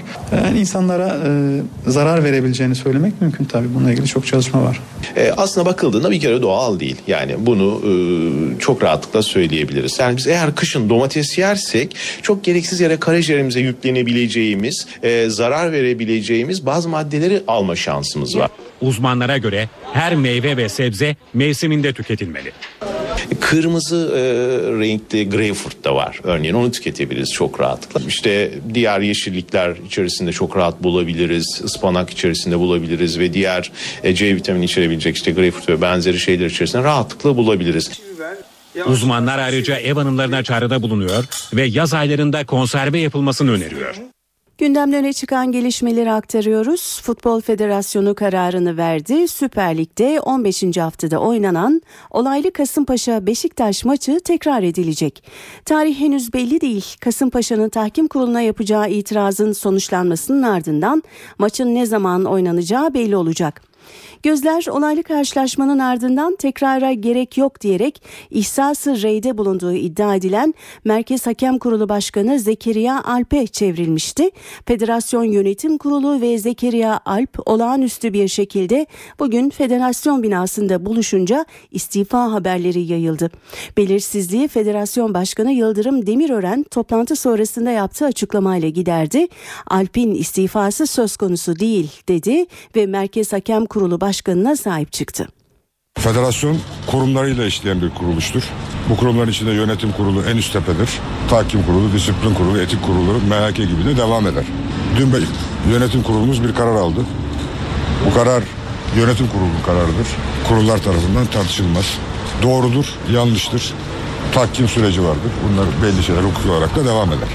Ama futbolun yürüyüşü içinde disiplin kurulu bir karar aldığı vakit tahkim kurulu bozduğu vakit tahkim kurulu istifa edecek diye bir şey yoktur. Veya gene süreçte gördüğümüz gibi yönetim kurullarımız kararlar alır. Tahkim sürecinde bunlar bozulabilir. Yönetim kurulu istifa edecek diye bir şey yoktur. Bugüne kadar da etmemiştir. MHK'nin bize tav- tavsiye olarak verdiği Beşiktaş Kasım maçı ile ilgili karar da yönetim kurulu tarafından kabul edilmemiş. Yönetim kurulu ayrı bir karar almıştır. Ama bu demek değildir ki MHK'de istifa edecektir. Sadece burada bir hata yapılmıştır. Hocamızın kişiliği ve hassasiyetinden dolayı bizim aldığımız karardan sonra MHK'yi toplantıya çağırması sanki istifa edecek gibi istifa yaratmıştır. MHK bütün kurullar sonuna kadar yönetim kurulumuzla beraber bu görevdedir. Görevde de olmaya devam edecektir. Kamuoyunun bu şekilde bilmesini rica ediyorum. Kararımızdan hoşlanmayanlar da lütfen kamuoyunu yanlış yönlendirmesinler. Bu bir süreçtir. Futbol Türkiye'de 24 saat yaşanıyor. Önümüzdeki günler gene yaşayacağız. Her gün bir olaylarla mücadele etmek zorundayız. Ama futbol sahada oynanıyor. Sahada da bitiyor. Herkesin de bunu bilmesini rica ediyoruz. Federasyonun kararını ve bundan sonra neler olacağını bir spor yorumcusuyla konuşacağız. Telefon hattımızda spor yazarı Faik Gürses var. Sayın Gürses yayınımıza hoş geldiniz. Teşekkür ederim. İyi yayınlar efendim. Teşekkürler. Federasyon maç tekrar edilecek dedi. E, tartışmalı pozisyon için farklı görüşler var. Size göre maçta kural hatası mı yoksa hakem hatası mı vardı? Ne dersiniz? Tabii önce e, kural hatası olduğunu ifade etmek istiyorum. Sadece hı hı. ben değil, e, Türk futbolunda hakem olarak, MHK başkanı olarak, FIFA kokatlı ve ulusal hakem olarak görev yapmış e, önemli isimlerin büyük bir bölümü, yüzde seksenden fazlası Dong'un Almedya'ya ikinci bir ki madde e, cisim olarak geçiyor, e, top olarak da geçmiyor. Yapmış olduğu hareketin tamamıyla e, cezai bir müeddde uygulanarak penaltı ile cezalandırılması, eylemi yapan futbolcunun da kırmızı kartla oyun dışına alınmasını söylüyor. Ben söylemiyorum, kural söylüyor. Hı hı. Tabii bu konuda e, çok talihsiz bir e, açıklama yaptı. İnsanlığına, adamlığına, e, dünya görüşüne son derecede inandığım, aynı zamanda çok iyi bir dostum olan Zekeriya Alp'in bir anlık e, bir anlık televizyon bağlantısı hadiseyi bugüne kadar getirdi. Yani bir aylık bir süreç yaşadık. Oysa bence Futbol Federasyonu maçtan hemen sonra bu kararı almalıydı. Kamuoyunu da e, bir aylık bir süre içerisinde çok fazla meşgul e, etmemeliydi. Ama e, tabii e, şunu da ifade etmek istiyorum. Sayın Demirel'in açıklamalarına e, saygı duyuyorum. Ama Sayın Zekeriya Alp İstinye'deki Türkiye Futbol Federasyonu'na siyah çantasıyla giderken içerisinde istifa mektubu vardı. MHK Yönetim Kurulu'nu olağanüstü toplantıya çağırdığı sırada da istifasını açıkladı. Tabi burada enteresan gelişmeler oldu. Bu istifa her ne kadar Sayın Yıldırım Demirören etmedi diyor ise de Sayın Zekeriya Alp'in istifa kararıyla içeride dakikalarca, saatlerce e, kararından vazgeçirmek için bütün kurul üyeleri, e, bütün e, telefonla e, daha önce durumu mail yoluyla e, MHK e, yöneticilerine e, atan eski hakemler e, biraz evvel bahsettiğim Sayın Alp'in e, insanlık e, duruşunun, adamlık e, e, duruşunun e, çok önemli olduğunu ifade ederek e, görevde kalmasını e, talep ettiler. Hı hı. Tabii e, Sayın Alp bu duruma çok direndi. Yaklaşık 3 saati aşkın bir zaman içerisinde bu konu e, Merkez Hakem Komitesi'nde konuşuldu. E, bu konu içerisinde en son kararı e, MHK e, kendisinin devamı yönünde e, karar aldığını ifade ettikten sonra Sayın Alp Yıldırım Demirören'in yanına gitti. Ve o sırada çok enteresandır. Sayın Demirören'in yanında milli takımların e, teknik patronu e, Sayın Fatih Terim de bulunuyordu. Kararı ona açıklarken birlikte açıklama yapma e, konusu da Sayın Yıldırım Demirören'den geldi. Bence bu da bir duruştur. E, Türkiye Futbol Federasyonu Sayın Başkan Yıldırım Demirören'in ifade ettiği gibi bir bütün olarak oraya geldik. Bir bütün olarak e, gideriz derken Sayın Alp'in de arkasında durdu. Evet, evet baştan bir hata yapıldı. Bir hakem hatası değil bir kural hatası yapıldı. E, Sayın MHK Başkanı'nın yapmış olduğu açıklamayı yersiz ve zamansız ve aceleci bir açıklamayla bugüne kadar gelindi. Ve şu anda e, Kasımpaşa'nın tahkim kurulu e, kararına e, yönelik e, bir durumuyla da beklemeye alındı. Tabii e, şu anda e, bir ufak e, not daha vermek istiyorum size. E, karar oy çokluğuyla alındı, oy birliğiyle değil. Hı hı. Bu tahkimin, bu tahkim kurulunun kararı gözden geçirerek tekrar e, bozma yetkisine kadar da gidebilir. Ama bu tabii şu anda bir soru işaretiyle, kocaman bir soru işaretiyle e, kaplı bir durum. Çok yakında zannediyorum e, Perşembe e, günü e, tahkim kurulu toplanarak nihai kararını hı hı. verecek. Ondan sonra da Türkiye Futbol Federasyonu maçın e, hangi tarihte oynanacağını evet. açıklayacak. Ama Türk futbol tarihinde bu üçüncü tekrar oluyor. Yani 1959-60 yılından beri oynanan eski adıyla Türkiye Ligi, şimdiki adıyla Spor Toto Süper Lig'de ki bu tekrar ikinci defa Beşiktaş'ın başına geliyor. Daha evvel bir Beşiktaş Gençler Birliği maçı da tekrar edilmişti. Tabii bütün bunlar Beşiktaş cephesinden e, ifade ediliyor ama Kasımpaşa e, cephesi de bugün çok manidar bir evet. e, açıklama yaptı. E, Maça tamamen, çıkmamayı e, düşünürüz e, dediler. Pardon efendim? Tahkimden lehimize karar çıkmazsa e, maça çıkmamayı düşünebiliriz diyorlar. Onun da ötesine gittiler. Türkiye Futbol Federasyonu Başkanı'nın Beşiktaş'ta yaptığı hizmetler ortadayken aldığı kararıyla saygıyla karşılıyoruz, karşılıyoruz diyerek e, çok e, belki de ağır denebilecek bir gönderme yaptılar Türkiye Futbol Federasyonu'na ve başkanına. Tabii bütün bunlar e, şimdi tahkim kurulunun vereceği nihai karardan sonra açıklanacak. Ancak şunu ifade etmek istiyorum. Bazen adalet geç de gelse Beşiktaş'ın lehine Galatasaray'ın aleyhine veya Fenerbahçe'nin lehine de olsa saygıyla karşılamak gereğini e, e, olmasını e, bekliyorum. Bekliyoruz daha doğrusu bir medya mensup, biz medya mensupları olarak. Ama şu bir gerçek ki her ne kadar Kasımpaşa'da galip geldiği maçın sonrasında gelecek bir tekrarla hakkının yendiğini ifade ediyorsa da o derece haklıysa Beşiktaş'ta maçta yapılan bir kural hatasıyla üstelik 1-0 öndeyken belki de kazanılabilecek muhtemel bir penaltı vuruşunun filelere gitmiş olmasından dolayı e, 2-0 e, yapabileceği skordan e, mağlubiyetle ayrılmasını da e, bir şekilde federasyona iletmiş. Hatta hükmen mağlubiyet istemişti, galibiyet istemişti kendi lehlerine ve netice itibariyle ondan sonra oynattığı maçlarda kırmızı kart gören futbolcuların da yararlanmadığı e, için kaybettiği maçı da gündeme getirmişti. Biliyorsunuz bir de Gençler Birliği yenilgisi var Beşiktaş'ın bu maçın hemen e, akabinde. E, ve e, durum e, şu anda e, ilk günkü gibi e, sıcaklığını gündem maddesi e, oluşturmaya devam eden Evet. bir e, seyirle devam ediyor. Ta ki tahkim kurulu son noktayı koyana kadar. Yani perşembe gününe kadar.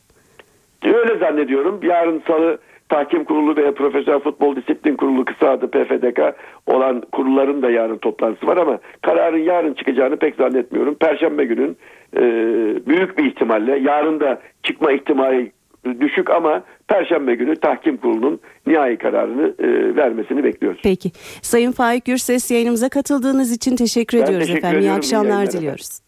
Bakanlar Kurulu toplantısı sona erdi sayın dinleyenler. Hükümet sözcüsü Bülent Arınç açıklama yapıyor dinliyoruz.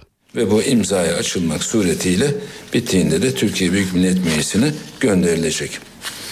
Milli Savunma Bakanımız Sayın İsmet Yılmaz da 12 Eylül 2010 referandumuyla anayasanın anayasaya giren bir konuyu biraz da gecikmeli olarak yasa haline getiriyoruz.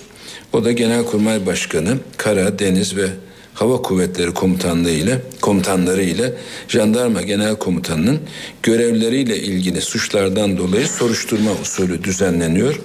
Bildiğiniz gibi bu kişilerin yargılanmasına gerek duyulması halinde Yüce Divan sıfatıyla Anayasa Mahkemesi'ne gönderilmesi daha önce 12 Eylül 2010 referandumuyla kararlaştırılmıştı.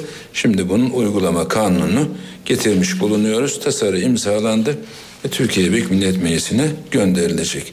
148. maddede anayasanın Genelkurmay Başkanı, Kara, Deniz ve Hava Kuvvetleri Komutanları ile Jandarma Genel Komutanı da görevleriyle ilgili suçlardan dolayı Yüce Divan'da yargılanırlar hükmü eklenmişti.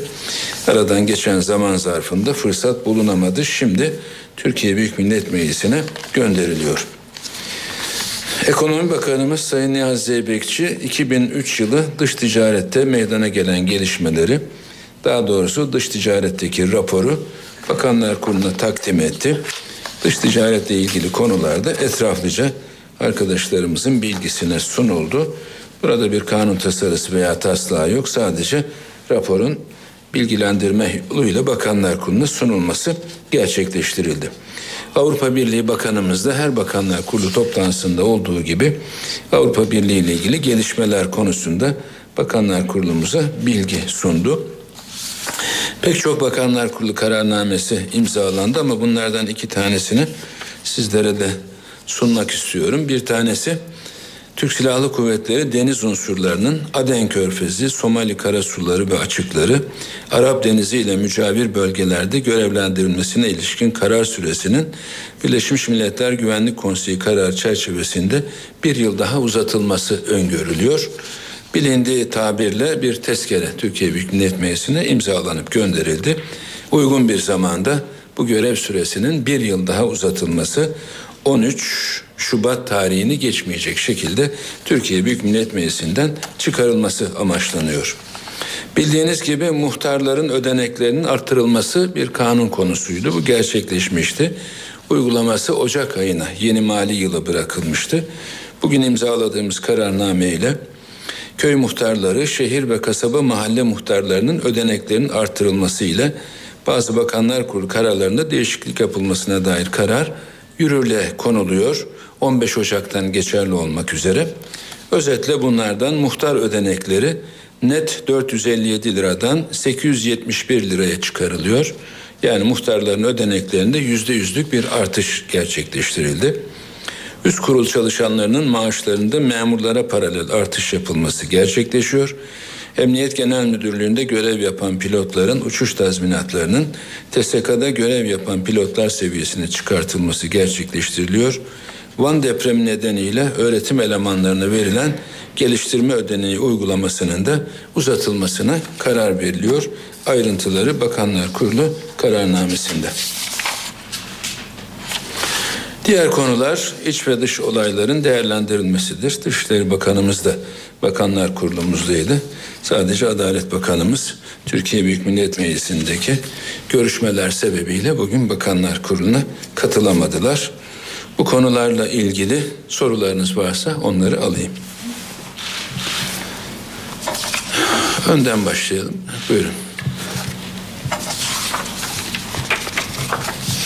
Ee, yeniden yargılama konusunda Başbakanın Adalet Bakanlığı'nın konuyla ilgili bir çalışma talimatı verdiğini biliyoruz. Gerçi Adalet Bakanı'nın toplantıda olmadığını belirttiniz ama bu konu yine gündeme geldi mi? Çalışma ne durumdadır? Bu konuyu değerlendirme şansınız oldu mu? Teşekkür ederim. Hayır, yeniden yargılanma konusu hükümet konusu değildi. Bugün görüşmedik, gündemimizde de yoktu. Daha önceki açıklamaları biliyorsunuz. Bu konu üzerinde çalışanlar var. Barolar Birliği Başkanı Sayın Başbakanımızı ziyaret etmişlerdi. Başkalarını da ziyaret ettiler. Bu konu üzerinde Sayın Başbakanımız Adalet Bakanımızı konu üzerinde çalışılsın talimatı verdi. O günden bu yana değişen bir durum yok. Buyurun. Aysun Torun Habertürk Televizyon. Efendim HSK ile ilgili görüşmeler devam ediyor. Eleştiriler var, tepkiler var. Anayasaya aykırı olduğu giriş, e, görüşü var. Cumhurbaşkanı bugün liderlerle görüştü. Başbakan Recep Tayyip Erdoğan'la da görüşecek. E, tüm bu görüşmeler sonrası, tepkiler sonrası teklifin geri çekilmesi söz konusu olabilir mi? Ve e, görüşmeler sırasında yaşanan bazı görüntülerde rahatsızlık yarattı. E, kavgalar çıktı. Daha önce tartışma yaratan bazı ifadeleri olan bir AK Partili vekilin görüşmesi görüntüsü yeniden tartışma yarattı. Siz o görüntüleri görebildiniz mi? Neler düşünüyorsunuz? Nasıl değerlendiriyorsunuz o tartışmaları? Teşekkür ederim. Şimdi unutmadan tane tane cevap vermeye çalışayım. HSYK ile ilgili hususları da içeren bir kanun teklifi Türkiye Büyük Millet Meclisi Adalet Komisyonu'nda görüşülüyor. Bu kanun tasarısı değildir. Bir kısım milletvekillerinin kanun teklifi olarak verilmiştir. İçerisinde Adalet Akademisi'nden başlayarak HSYK'nın yapısını da bazı konularda değişikliğe uğratan bir kanun teklifidir. Her kanun teklifi gibi Adalet Komisyonu'nda görüşülmeye başlanmıştır. Evet, e, ben de televizyon ekranlarından, gazetelerdeki fotoğraflardan tartışmalı geçtiğini, yine bazı milletvekillerinin kavgaya dahil olduklarını, orada bazı tartışmaların yaşandığını biliyorum. Bunları tek tek tahlil ederek şu milletvekili haklıydı, bu haksızdı, aslında şu olaylara sebebiyet verdi diyecek durumum yok. İsim isim olarak bunların niçin oraya geldiklerini, tartışmanın niçin çıktığını, görüşmelerin yapılamaz hale getirilmesinde kimlerin daha şiddetli davrandığını az çok biliyorum ama bunları tartışmanın hiçbir faydası yok. Kaldı ki bu görüntüler Türkiye Büyük Millet Meclisi'nde ilk defa da sergilenmiyor. Daha önce 4 artı 4 artı kanun teklifi görüşülürken de mesela bir grup başkan vekilinin ağırlığı bir kilo olan bir el şeyi elinde Milli Eğitim Komisyonu Başkanı o zamanki şimdiki bakanımıza fırlattığını hepimiz görmüştük. Bazıları uçan tekme atıyorlar. Bazıları elinde ne varsa onu fırlatıyorlar. Ağızlarından çıkanı kulakları duymuyorlar. Bir kavga bir curcuna gidiyor. Bu Türkiye Büyük Millet Meclisi'ne de yakışmıyor. İçerisinde dahil olan milletvekillerimiz de hiçbirisine yakışmıyor. Kavgada kim rol oynadı, kim kime ne yaptı bırakalım bunları herkes vicdanlarında karar versin. Ama orada bulunanların büyük bir kısmının ya bir şeye karşılık vermek üzere veyahut da görüşmelerin en azından devamını sağlamak üzere bir tartışma içinde olduklarını görüyoruz. Milletvekillerimize de Türkiye Büyük Millet Meclisi'ne de komisyona da yakışmayan görüntüler evet bazı ülkelerde buna benzer kavgalar çıktığını biliyoruz. Bir Tayvan parlamentosundan bir Ukrayna parlamentosuna kadar ama biz Türkiye Büyük Millet Meclisi'yiz. Örnek olmalıyız. İtirazlarımızı elbette yaparız. Konuşmalarımızı elbette sonuna kadar yapma hakkımız var. Ama bir şeyi engellemek için kavga çıkartmak, hatta işi fiili saldırıya götürmek hiçbir zaman tasvip edilemez. O yüzden ben bu görüntülerin hoş olmadığını söylemek istiyorum. Ama Cumhuriyet Halk Partisi'ne de buradan bir seslenmem lazım. Siz buna benzer pek çok olayda komisyon toplantı salonunu komisyon üyesi olmayan milletvekillerinizle basmak, oradaki görüşmeleri engellemek ve elinize ne geçerse bunu kullanmak durumunda kaldınız. Bunları videolardan izlemek mümkün. Türkiye Büyük Millet Meclisi'nin hafızası da bunu öngörüyor. Dolayısıyla bu görüntülerdeki payınızın biraz daha fazla olduğunu düşünüyorum. Yoksa fert fert şu haksızdır bu haklıdır demek durumunda değilim. Siz Zeyt Aslan'ı örnek göstermeye kalkarsanız bir başkası da Kamer Genç'in yaptıklarından başlar. Öbürü Veli Ağbaba'yı söylerken bir iki başka bir isim de söyleyebilir. Al birini vur ötekine birbirinden farkı kalmaz. Dolayısıyla grup başkan vekillerinin özellikle onların amiri durumunda bulunan grup başkanlarının yani genel başkanların bu tür tartışmalara girmemek konusunda milletvekillerini uyarması lazım. Yoksa yürüyün aslanlarım arkanızda ben varım diyecek olurlarsa mecliste hiçbir görüşme rasyonel şekilde yapılamaz. Bu üzüntü verici bir durumdur. Biz kendi açımızdan bir teklifin görüşülmesinde tasarımız olsa belki farklı şeyler söyleyebilirdim. Ama milletvekillerinin verdiği bir teklifin özgür bir ortamda ve yine hukuki bir şekilde tartışılması lazım. Bunu engellemeye çabalamak, kavga çıkarmak, oraya konuyla hiç alakası olmayan insanları getirmek ve onların üzerinden bu toplantıyı yapılamaz hale getirme çabalarını hoş görmüyorum. Anayasaya aykırılık konusu ağızlarda sakız olmaktan çıkmalı. Neden? Çünkü Türkiye Büyük Millet Meclisi iş tüzüğünün bir maddesi der ki getirilen tasarılar ve teklifler önce anayasaya aykırılık noktasından incelenir.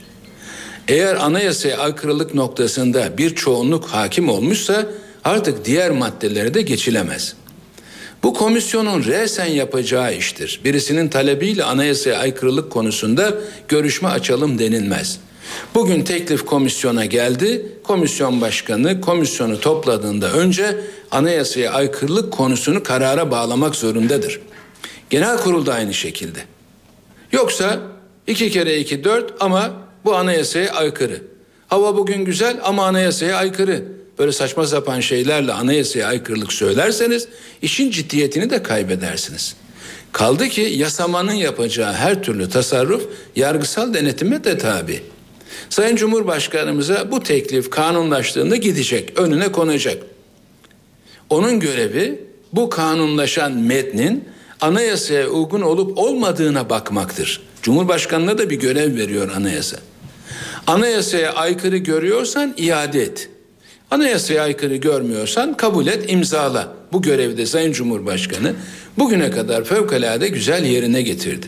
Ama iş onunla da bitmiyor. Diyelim ki iade edildi veya iade edilmeden kanunlaştı.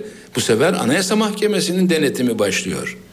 Ana muhalefet partisi bu kadar anayasaya aykırı sözlerini bolca konuşacağına teklif kanunlaştığında eğer istemedikleri bir şekilde kanunlaşmışsa anayasada hakları var Anayasa Mahkemesi'ne gidebilirler. Onlar gitmedi diyelim 110 milletvekili bir araya gelir onlar Anayasa Mahkemesi'ne giderler.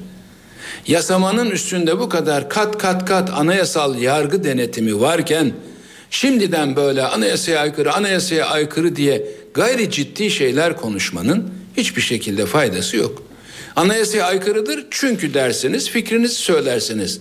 Herhalde elinizdekini fırlatmazsınız. Birisinin başını gözünü yarmazsınız. Bu görüşülür. Ve Anayasa Komisyonu veya Adalet Komisyonu hangisi ise anayasaya aykırılık yoktur kararına varırsa o zaman bu teklifin komisyondan geçmesi de mümkün olabilir. Bugünkü görüşmeler Sayın Cumhurbaşkanımızın isteği üzerine gerçekleşmiştir. Sanıyorum sadece Sayın Kılıçdaroğlu bir açıklama yapmış. Diğerleri bir açıklama yapmamış. Belki şu saatlerde Sayın Cumhurbaşkanımızın Sayın Başbakanımızla bir görüşme yapacağını da biliyorum. İnşallah bu görüşmelerin neticesinde ne olabilir? Bir, şu olabilir. Anayasanın 159'lu galiba değil maddesi Hakimler Savcılar Yüksek Kurulu ile ilgili biz bu maddenin üzerinde tartışmıyoruz. Bu maddenin son fıkrasında bir şunlarla şunlarla ilgili bir kanun çıkarılır diyor. O kanun çıkmış. HSYK'nın çalışma usulleri vesaire ile ilgili. Biz anayasada değişiklik değil, kanunda değişiklik yapıyoruz. Bazıları anayasa değişiyor diye feryat edebilirler. İşin aslını bilmedikten sonra. Kanunda değişiklik yapma hakkımız yok mu bizim? Var. Onu yaparken de elbette anayasaya aykırılıktan başlayarak yargısal denetimler, yürütmenin yargıya etkisi bunların hepsi konuşulabilir ve söylenebilir. Fakat biz kanunda değişiklik yapmayı bırakalım da anayasanın bu maddesinde değişiklik yapalım derlerse Bir, bizim ona gücümüz yetmez sayısal itibariyle. Onların hiç gücü yetmez. Sayıları çünkü yeterli değil. Dört partinin de anlaşabileceği bir metin üzerinde karar verilebilirse zannediyorum Adalet Bakanı bu konuda açıklama yaptı. Bunu düşünürüz demiş. Bu çalışmaların sonucunda bu ortaya çıkarsa elbette bu konu üzerinde Sayın Başbakanımızın da talimatıyla partiler arasında bir metin üzerinde çalışılabilir. Ama bir taraftan da şu anda HSYK'nın ilgili kanunu ile ilgili değişiklikler devam ediyor. Bu çalışma onun önüne geçebilir mi? Eğer seri bir şekilde hazırlanabilir ve herkes üzerinde mutabık kalırsa şüphesiz öncelik anayasa maddesindeki değişiklik olabilir diye düşünüyorum. Varsayımlardan hareket etmeyelim. Çünkü Sayın Cumhurbaşkanımızın bu genel başkanlarla, sayın genel başkanlarla ne konuştuğunu, onların nasıl bir çalışma yapılması gerektiğini biz şu anda bilmiyoruz. Sayın Başbakanımız da görüşmelerini yaparlar. Yarın belki kamuoyuna her birinin açıklayacağı bazı hususlar olabilir.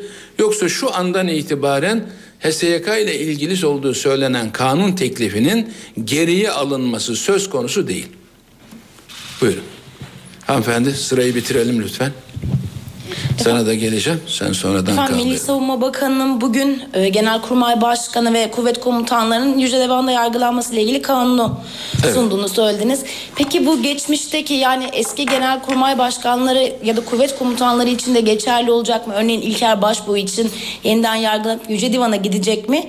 Yoksa Anladım. bundan sonrakiler için mi olacak? Bir sorum daha olacak efendim. Adalet Bakanlığı'nın önünde dört fezleke var eski bakanlarla ilgili.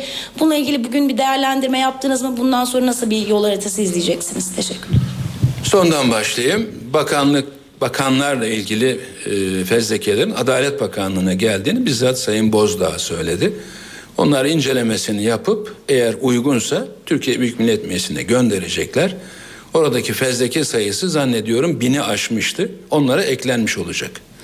Eğer komisyona gelir de anayasa karma komisyon vardır. Adalet ve anayasa komisyonlarından eşit miktarda onlar üzerinde bir rapor hazırlar. Bu işi fiiliyata dökerlerse ondan sonra bakanlarla ilgili fezlekelerin dokunulmazlıklarının kaldırılıp kaldırılmaması gündeme ancak gelebilir.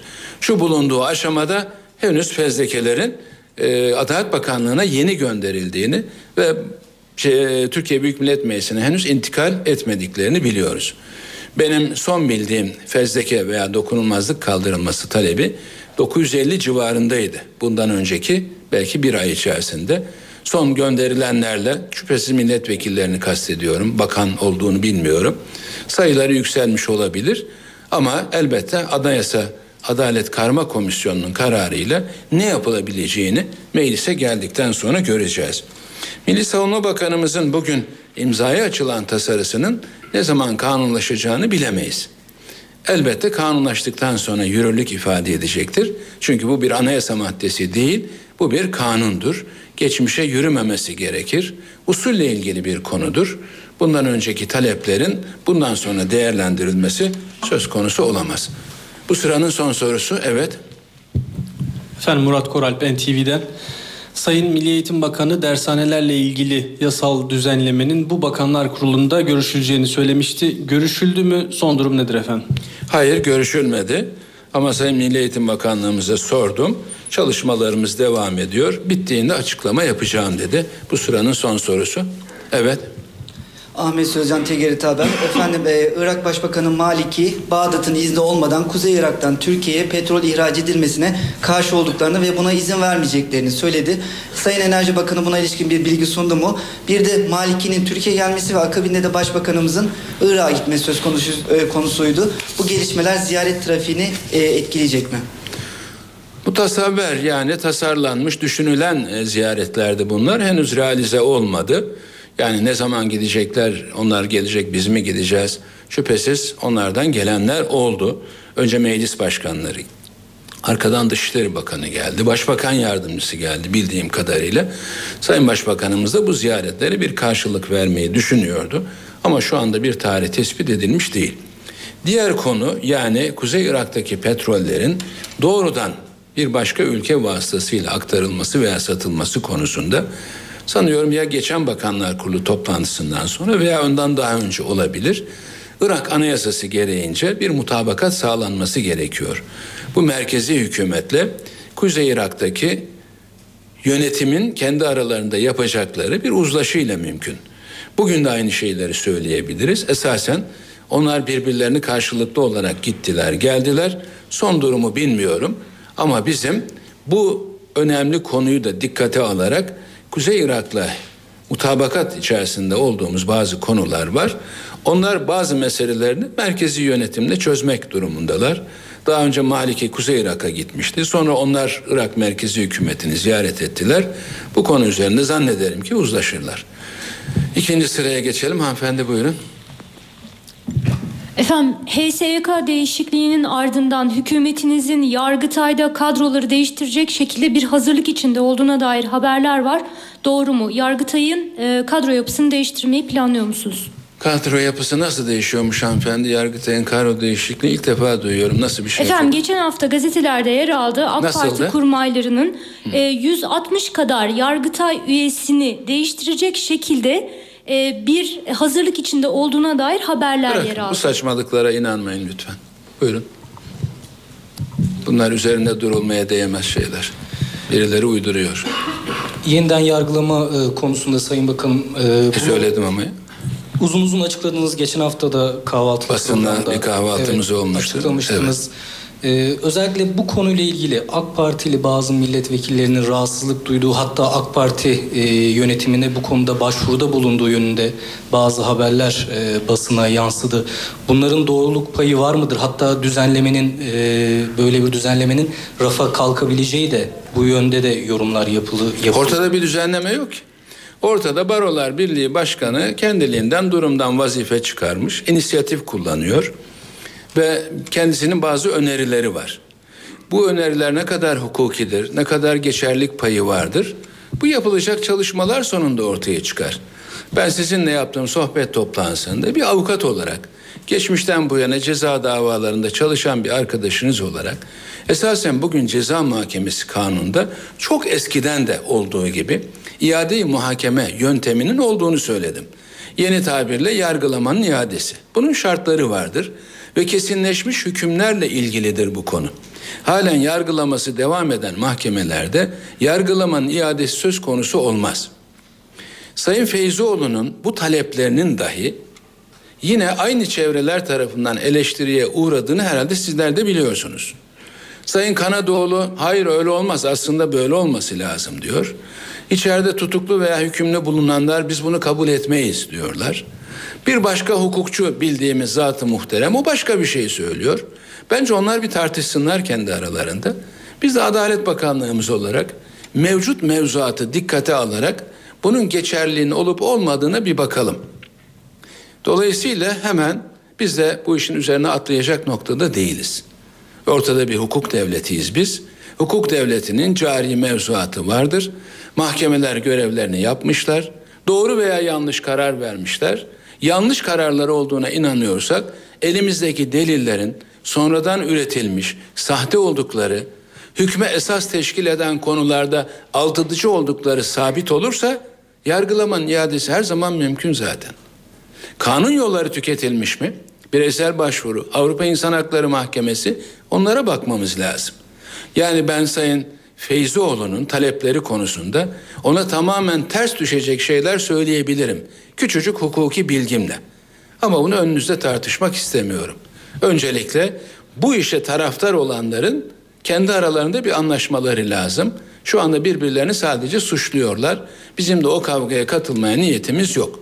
Milletvekillerimiz farklı düşünebilir mi? Elbette farklı düşünebilir.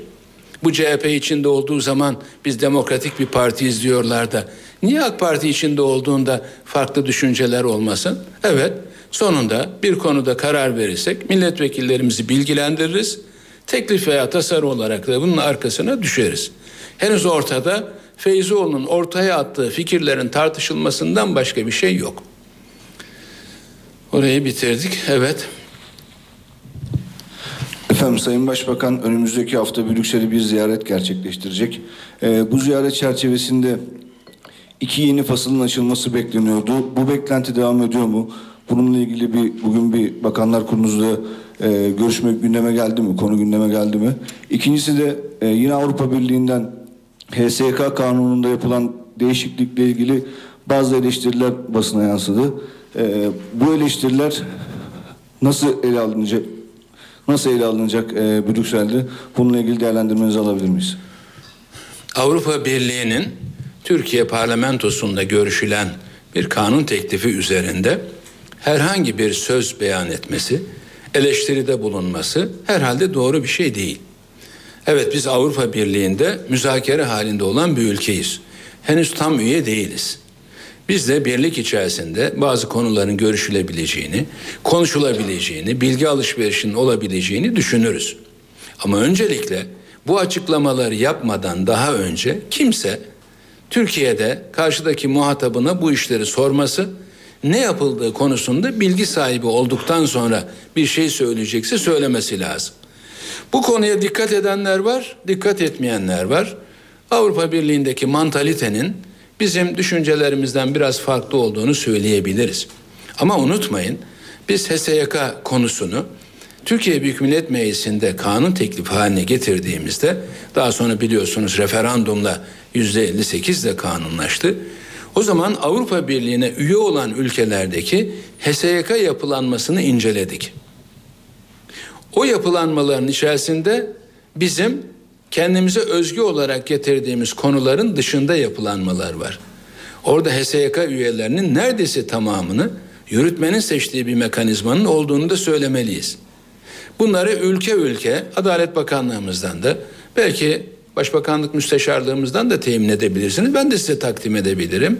Yani 28 ülkesiyle Avrupa Birliği'nin bazı ülkelerinde uygulanan HSYK modelini biz Türkiye'ye getirmiş olsaydık herhalde herkes havalara uçar ve isyan ederdi. Biz şimdi 22 üyenin herhalde 10 tanesini yüksek hakimler arasından e, daha doğrusu birinci sınıf hakimler arasından seçiyoruz. İki üçünü Cumhurbaşkanı seçiyor. Bir ikisini Yargıtay, Danıştay seçiyor. Bir ikisini Adalet Akademisi seçiyor. E ben bunun 15 tanesini yürütme olarak veya Cumhurbaşkanlığı makamı olarak seçeceğim noktasına da gelebilirdik. Ama biz demokratik tabanı daha güçlü olsun dedik ve farklı fikirler, farklı kaynaklardan gelenler bir araya gelsinler de taraf tutmasınlar. Ayrı bir grup oluşturmasınlar. Beş kişiden çektiğimizi bizi tekrar ızdırap olarak karşımıza getirmesinler dedik. Ne bilirdik bu kadar saf olacağımızı? Dolayısıyla Avrupa Birliği'nde ağzını açacak insanların önce Türkiye'de ne yapılıyor olduğunu bir öğrenmesinde fayda var. Anayasayı değiştirmiyoruz. Sadece HSYK kanunu içerisindeki bir iki maddeyi değiştiriyoruz. Yasamaya müdahale etme hakları yok. Ancak yanlış bilgilendirme olabilir. Benim bildiğim kadarıyla Sayın Mevlüt Çavuşoğlu Sayın Bakanımız bir günlük bir çalışma ziyaretinde bugün veya yarın veya öbür gün bir Brüksel ziyaretinde bulunacak ve Sayın Başbakanımızın ziyaretinden önce bir çalışma yapacak. İkinci bir kısmı var mıydı bu sözün sorunun? İki fasıl, yeni fasıl açılması bekleniyordu. Bu beklenti devam ediyor mu? Yani biz tabii yeni bir süreç başladı Avrupa Birliği'nde. Bunlar birkaç ay önce de deklarasyon olarak yayınlandı. Yani eski derogasyonların veya tafasıl açmaya yönelik engellemelerin artık kalkacağını ifade etmişlerdi. Gelişmelere göre bakacağız. Orası bitti, devam ediyoruz. Evet. Efendim e, ABD ve Rusya Dışişleri Bakanlarının bir e, Suriye'de sınırlı bir ateşkesin e, oluşması yönünde görüş bildirdikleri ifade ediliyor. Hatta e, ABD Dışişleri Bakanı John Kerry'nin de e, sınırlı ateşkesin Halep'ten başlaması yönünde bir e, söylenti söyle, e, Ne anlamadım, oldu. ne başlaması? Sınırlı ateşkesin Halep'ten başlaması konusunda Sınırlı mı, Evet. sınırda mı? Sınırlı ateşkes. Sınırlı, evet. evet. evet. Bu konuyla ilgili değerlendirmenizi istiyorum mümkünse. Arkadaşlar bütün bu çalışmalar e, 22 Ocak'ta yapılacak olan Cenevre 2 konferansının sanıyorum bir çekirdek toplantısı yapıldı. Orada konuşulanlar yani Dışişleri Bakanlığımızın verdiği bilgi notları var ama uzun süredir sizleri meşgul ediyorum. Aklımda kalanı söyleyeyim size. Oradaki çekirdek grubun toplantısı ve daha sonra 22 Ocak'taki toplantının konuları görüşülüyor. Bunlar yetersiz. Yani sadece lokal olarak bazı yerlerde ateşkes sağlanması kısmi bir fayda getirir ama biliyoruz ki varil bombalarıyla insanlar her gün hayatlarını kaybediyorlar ve bunu bütün dünya maalesef izliyor. Dolayısıyla bir Esadsız bir yönetimle Suriye'de bir geçiş 22 Ocak'ta yapılacak Cenevre konferansında kararlaştırılabilir mi? Ve topyekün bir silah bırakma, şiddet uygulamayı sonlandırma olabilir mi? Ona bakmamız lazım. Ama Rusya'nın belki sadece bu konuda ikna edilebilmiş olmasını da gelecekteki toplantı için belki bir faydalı başlangıç olarak da görmek mümkün. Ama fotoğrafın bütününe baktığımızda bu çok küçük, çok basit ve çok büyük fayda sağlamayacak bir girişim. Çabuk buyurun. Efendim e, CHP Genel Başkanı Kemal Kılıçdaroğlu bugün e, İçişleri Bakanlığı olağanüstü hal çalışması yapıyor diye bir ifade kullandı. İçişleri Bakanlığı'nda böyle bir çalışma Kim söyledi? Kemal Kılıçdaroğlu. Kemal Kılıçdaroğlu olağanüstü hal çalışması yapıyor dedi öyle mi? Evet, İçişleri Yanlış duymadım. Evet. Saat kaçta söyledi bunu? Nerede söyledi? Efendim? Temsilcileri Ha yani öğleden sonraysa başka bir şey söyleyeceğim de sabah saatlerinde söylediyse başka bir şey söyleyeyim. Arkadaşlar bu kadar asparagas, bu kadar gerçekle ilgisi olmayan bir zarf atma tabiri caizse kesinlikle doğru değil. Biz olağanüstü hali hükümete geldikten sonra 18 gün kaldırmış, 20 sene devam eden olağanüstü hali ve bununla iftihar eden bir hükümetiz. Terörle mücadele sırasında o kadar zor günler yaşadık ki herkes bize olağanüstü hali ilan etmemizi tavsiye etti. Biz o günde dimdik dedik ki hayır olağanüstü hal yok. Hükümetimiz güçlüdür. Bütün tedbirlerimizi aldık. Bunun şartlarını kesinlikle kabul etmiyoruz dedik. Durup dururken aklına nereden geldi? Allah selamet versin. Evet son. Aradaki arkadaşı atlayabilirsiniz. Bir ve üç tamam. Efendim e, Sayın Başbakanımız e, Zekeriya Öz'le ilgili 22 defa yurt dışına gittiğini e, bir konuşmasında söyledi. Ancak savcı Öz bunu yalanladı. Hatta ispat edilirse istifa edeceğini söyledi. 21 defa mı gitmiş? Yani bu 22 rakamının Ha, 22 yanlış. olmadığını söyledi. Evet. Acaba isim konusunda bir karışıklık mı yaşandı? E, Hangi isim konusunda? Yani Savcı Zekeriya Öz'ün e, uçuşları ile ilgili. Diğer bir husus da bu uçuş kayıtlarının Türk Hava Yolları ile e, yaptığı uçuş kayıtlarının kamuoyuna e, sunulduğu ifade edildi. Bu bu durumun da özel hayatın gizliliğini ihlal olduğu e, yorumları e, kamuoyunda gündeme geldi. Siz bu konuda ne düşünüyorsunuz? Teşekkür ederim. Sayın Başbakan'ın bu sözü söylediğinde yanındaydım. Ben Zekeriya Öz ismini telaffuz ederek böyle bir suçlamada bulunduğunu hatırlamıyorum. Öyle birileri var ki yaz sporları, kış sporları şu kadar dışarı çıkmışlar filan dedi. Yani yarası olan gocunur diye bir söz vardır. Arkasından çıktı. Demek ki bir cevap vermiş. Biz işin bu tarafıyla ilgili değiliz. Ama ortalıkta resmi bir masraf makbuzuyla Dubai'deki seyahatinin ailesiyle veya dostlarıyla birlikte bir şirket tarafından ödendiği, o şirketin patronunun da son operasyonlar çerçevesinde gözaltına alınıp bırakılanlardan birisi olduğu anlaşıldı. Önce buna cevap vermek yerine yani o başkasıdır şeklindeki bir savunmayı ben elbette Türkiye'de yargı var, hukuk var, istedikleri yerlere müracaat edebilirler. Bunun doğru olmadığını ispatlayabilirler. Karşılığında da eğer mümkünse bunun cevapları verilebilir. Bu üzerinde durduğumuz bir konu değil bizim. Sana en son geleceğim. Bir de buradaki arkadaşa mümkünse. Buyurun. İbrahim Varlık Cihan Ajansı. Efendim e, İçişleri Bakanı Sayın Efkan Ala geçtiğimiz günlerde bir açıklama yaptı. E, bir bankanın 17 Aralık operasyonu öncesinde döviz alımı yaparak 2 milyar dolarlık gibi, bir kazanç elde ettiğini, e, kendisinin de elinde belgeleri olduğunu söyledi. Ancak Merkez Bankası ne söz konusu bankanın ne de başka bir bankanın bu şekilde bir gelir elde etmediğini duyurdu. E, Efkan Ala henüz elindeki belgeleri açıklamadı. Ancak e, bazı kamu kuruluşlarının da bu bankadaki mevduatlarını geri çektiği ortaya çıktı. Bu e, kamuoyunda söz konusu bankaya karşı bir operasyon yapıldığı algısı oluşturdu. Siz bu bankaya karşı girişimleri nasıl değerlendirirsiniz? Bahsettiğiniz katılım bankasının ismini vermeyeceğim. Ama benim de geçmişten bu yana elimde küçük bir birikimim de olsa oraya yatırdığımı herkes bilir. Şimdi Sayın Başbakan e, bu konuda herhangi bir şey söylemedi. Efkan Ala bakanlığa geldikten sonra zannediyorum bir televizyon kanalında böyle bir söz söylemiş olabilir. O da isim vermedi. Yani burada enteresan olan şey şudur. İsim vermeden yapılan bazı açıklamalara birilerinin cevap vermesi. O takdirde bu yanlış anlaşılabilir. Yani denir ki sen nereden ilgilendiriyor kardeşim? Yoksa sen bu musun derler. Bu sebeple yani sorunuzu madem ki bir ajansınız, gazeteler de var. Her gün birinci sayfadan kimi kastettiniz, hangi gazeteyi kastettiniz, elinizdeki bilgiler, belgeler nedir diye sormanız lazım. Cevabını da ondan alacaksınız. Yalnız böyle bir konuyu yani orada kamunun parası vardı. Bu paralar çekiliyor şeklinde bir söz külliyen yanlıştır. Neden biliyor musunuz? Benim başıma da geldi de onun için.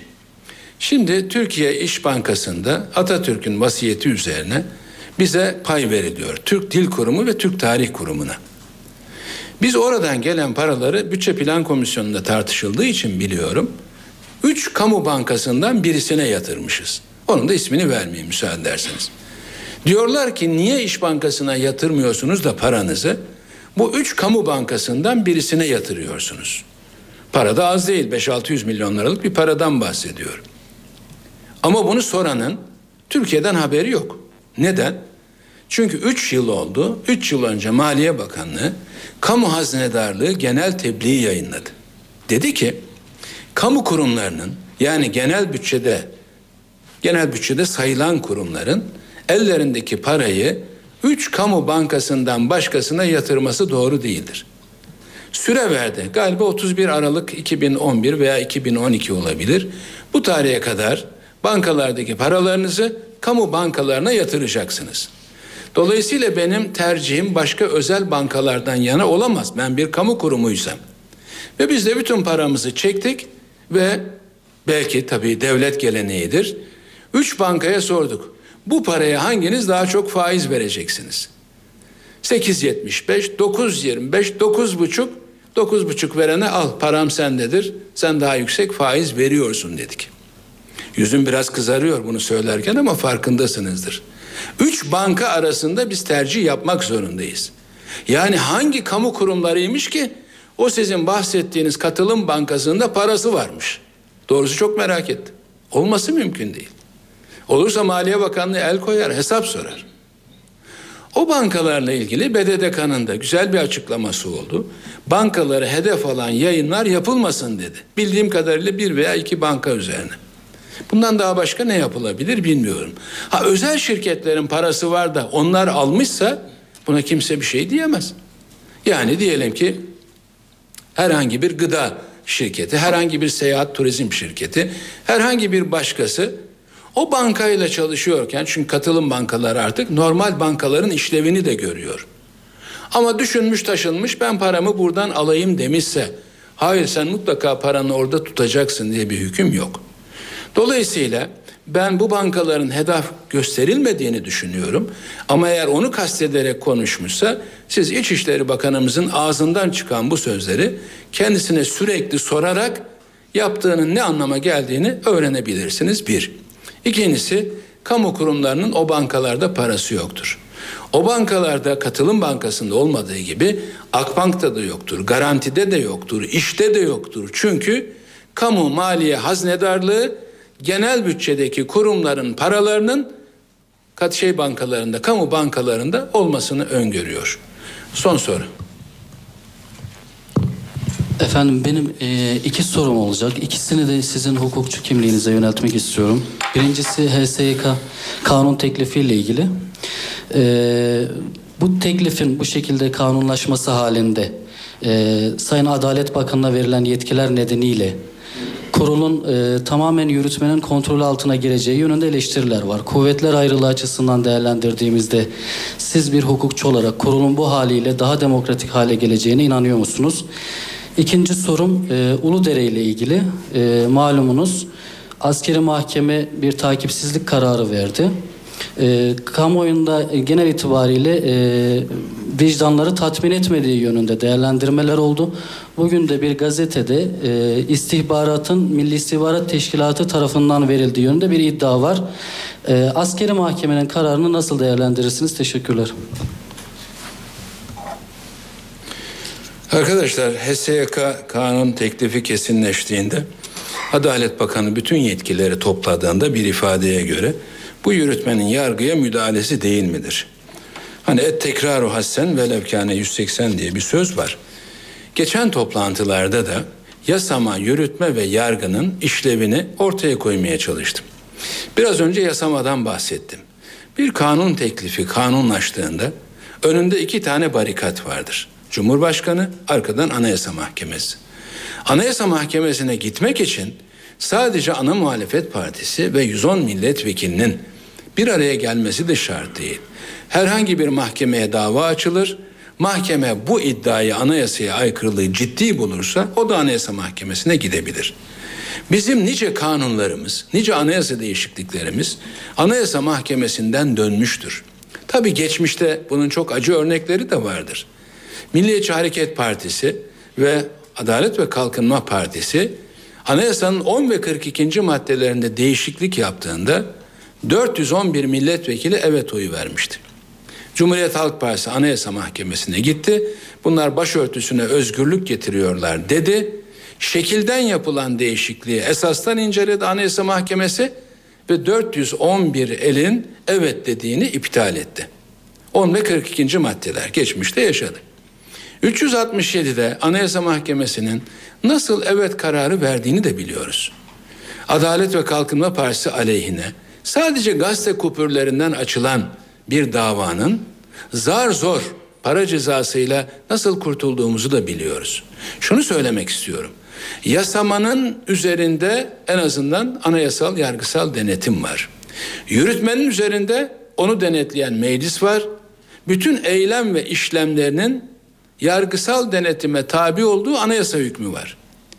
Ben bugün bir bölge müdürümü almaya kalktığımda iş yapamaz. Orada 15 sene kalmış şu veya bu sebeple. Hemen idare mahkemesine gidiyor. Bir saat sonra yürütmeyi durdurma kararı alıyor. Bir bölge müdüründe, bir valide, bir daire başkanı veya şunda bunda. Yani benim bir tasarrufum, bir bürokrat üzerindeki tasarrufumu yargı hemen tersine çeviriyor. Biz Rütük'te 20 senedir yapılamayan frekans ihalelerini yaptık. Hem de çok iyi bir hazırlıktan sonra yaptık. Herkes girdi, herkesin ödeyeceği para belli oldu. Dosya almamış, ihaleye bile girmemiş bir uyduruk şirket buldular. Onun üzerinden dava açtılar, yürütmeyi durdurma kararı aldılar. Yargının bazen hali pür melali böyle devam ediyor. Şunu söylemek istiyorum. Yasamanın üzerinde denetim var. Yürütmenin üzerinde denetim var. Peki yargının üzerinde hangi denetim var? Görevleriyle ilgili olsun olmasın kendi mensupları hakkında yargılama yetkisini ancak kendileri verebiliyor. Bu Yargıtay için de böyle, diğerleri için de böyle.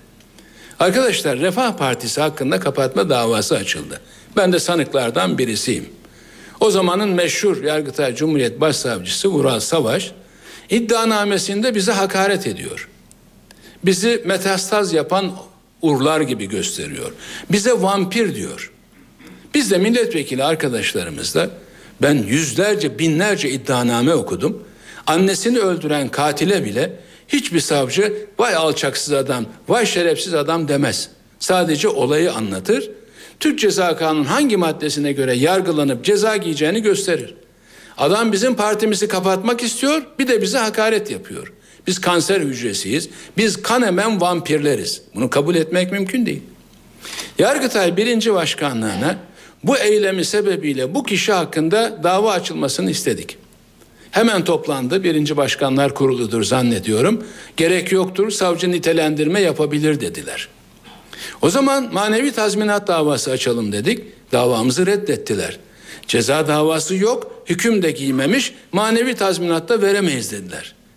Bu kısır döngüleri yaşadık biz. Beş kişilik HSYK'nın Türkiye'ye neye mal olduğunu bildiğimiz için anayasa referandumuna gittik. Şunu söylemek istiyorum. Bugün sadece la yüsel ve la yemut olan yargıdır. Hiçbir hesabın sorulması mümkün değildir. Peki onun üzerinde onun hukuka aykırı eylemlerini ve işlemlerini denetleyecek bir mekanizma olsa fena mı olur? Bir açıdan bir bakalım. İkincisi Adalet Bakanı bu kurulun başkanı. Geçmişte de öyle, şimdi de böyle. Yani kurul başkanı başka bir gezegenden gelmedi. HSYK var olduğu müddetçe Türkiye'de Adalet Bakanı o kurulun başkanıdır. Müsteşar da mutlaka kurulun üyesidir. Yeni bir şey getirmiyoruz. Peki Adalet Bakanı şu yetkileri alsa kötü mü olur? Tartışılır. Yürütmenin yargıya müdahalede bulunmaması lazım. Temel prensip budur. Ama bu üç erkin birbirine göre bir üstünlüğü yoktur.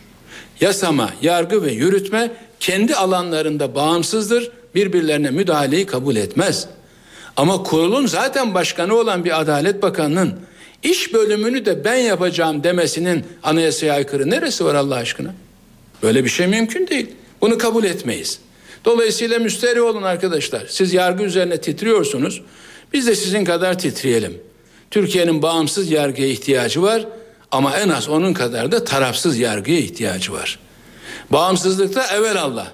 Onların elini tutan yok. Ne isterlerse yapıyorlar. Biraz da tarafsız olmaları gerekiyor. Biz bu mekanizmaları kurmaya çalışırsak emin olun Türkiye'de kötü bir şey olmaz. Uludere ile ilgili olarak askeri yargı soruşturmasını tamamlamış ve herhangi bir dava açılmasına, yargılama yapılmasına gerek görmemiş. Bu olay çok acı bir olaydır. Trajik bir olaydır. 34 tane insan bombalanma neticesinde hayatını kaybetmiştir. Bu konu üzerine belki onlarca defa konuştuk. Bence bundan sonra konuşulması gereken terörle mücadelede 30 sene veya daha fazlası yaşadığımız acı olaylardan birisi olarak bunu hatırlamamız lazım. Yani bunu terörle mücadele kapsamında düşünebilirseniz olan biteni çok daha iyi anlayacaksınız. Bir yerde bir hareketlilik var sınırın dışında. Daha önce de buradan giriş çıkışlar olmuş. Daha önce eylemler yapılmış. İnsansız hava araçlarıyla şunlarla bunlarla bilgiler toplanmış, bir yere nakledilmiş ve onun neticesinde bu olay meydana gelmiş. Uçaklar uçmasaydı, bombalar atılmasaydı bu insanlar hayatta olacaktı. Ama bu işte görevli olan kişilerin de ben görevimi yapmak zorundayım demesini çok acı bir olay olarak hatırlayalım ve hep beraber çözüm sürecine destek verelim. Çözüm süreci başarıya ulaşmazsa daha çok ulu dereler yaşanabilir. Asıl acı olan da budur. Arkadaşlar kafi herhalde değil mi? Hepinize hayırlı akşamlar. Bütün haber bültenlerini herhalde kapladık bir saatten beri. Kusura bakmasınlar.